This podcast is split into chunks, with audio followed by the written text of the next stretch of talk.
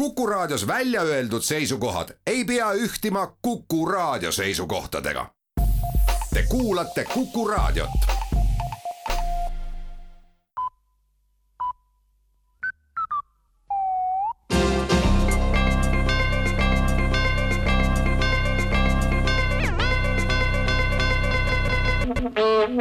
tere kuulama uudised agentuurilt Rohke Debelak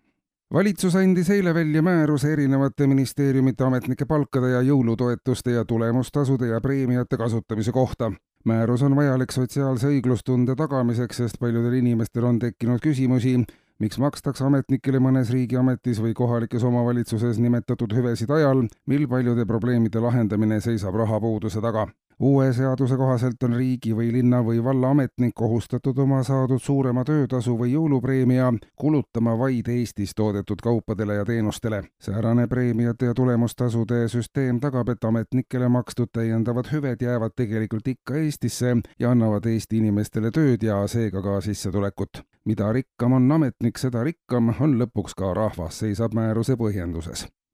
vabariigi Valitsuse ja Linnade Liidu erikoosolekul eile võeti vastu ka tegevuskava tegutsemiseks toiduainete kiire hinnatõusu süvenemise tingimustes. üha raskenevad ajad vajavad valitsuse sõnul radikaalseid samme ja seetõttu näeb kriisitegevuskava ette pealinna haljasalade ja sealhulgas ka staadionite jagamise kevadel elanikkonnale aiamaadeks ka Lilleküla staadion jagatakse kahesajaks aialapiks, kus ümbruskonna inimestel oleks võimalik kasvatada kartulit, kaalikat, peeti ja muud köögivilja, et ennast raskete aegade saabudes toita. pealinna staadionid ja rohealad on seni kasutamata elatisallikas ja mustemate stsenaariumite tõeks saamisel alustatakse aialappide väljajagamist juba järgmise aasta aprillikuus, et saaks algust teha kevadkülvi ja muude vajalike aiatöödega ka teised suuremad ja väiksemad linnad on kaardistamas omi staadione, parke ja haljasalasid, et neid agraareesmärkidel kasutusse võtta.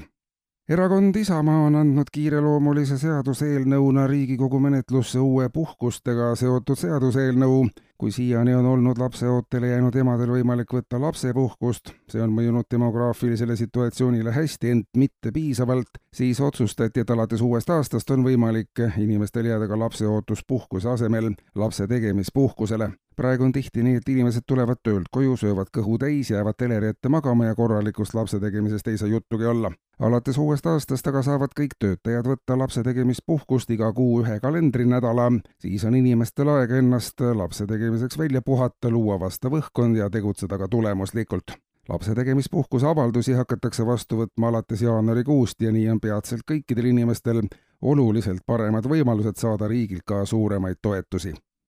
ja lõpetuseks annab veel valitsus teada, et mõistab meditsiinitöötajate kasvavat vastuseisu üha suurenevale töökoormusele, ent meditsiinitöötajad on siiski võrreldes tavainimestega priviligeeritud seisus. kui inimene ükskõik milliselt elualalt ennast üle töötab, tervise rikub ja peab arsti juurde aja kinni panema, siis meditsiinitöötaja on ju haiglas kogu aeg ja saab vajadusel kiiresti arstiabi paljud meditsiinitöötajad on ise arstid ja saavad ennast kogu aeg jälgida ja iseennast ravida, tavakodanikul sellist võimalust ei ole. seega on veelgi kasvava töömahu seadustamine ka õigustatud, lisab valitsus. kuulsite uudiseid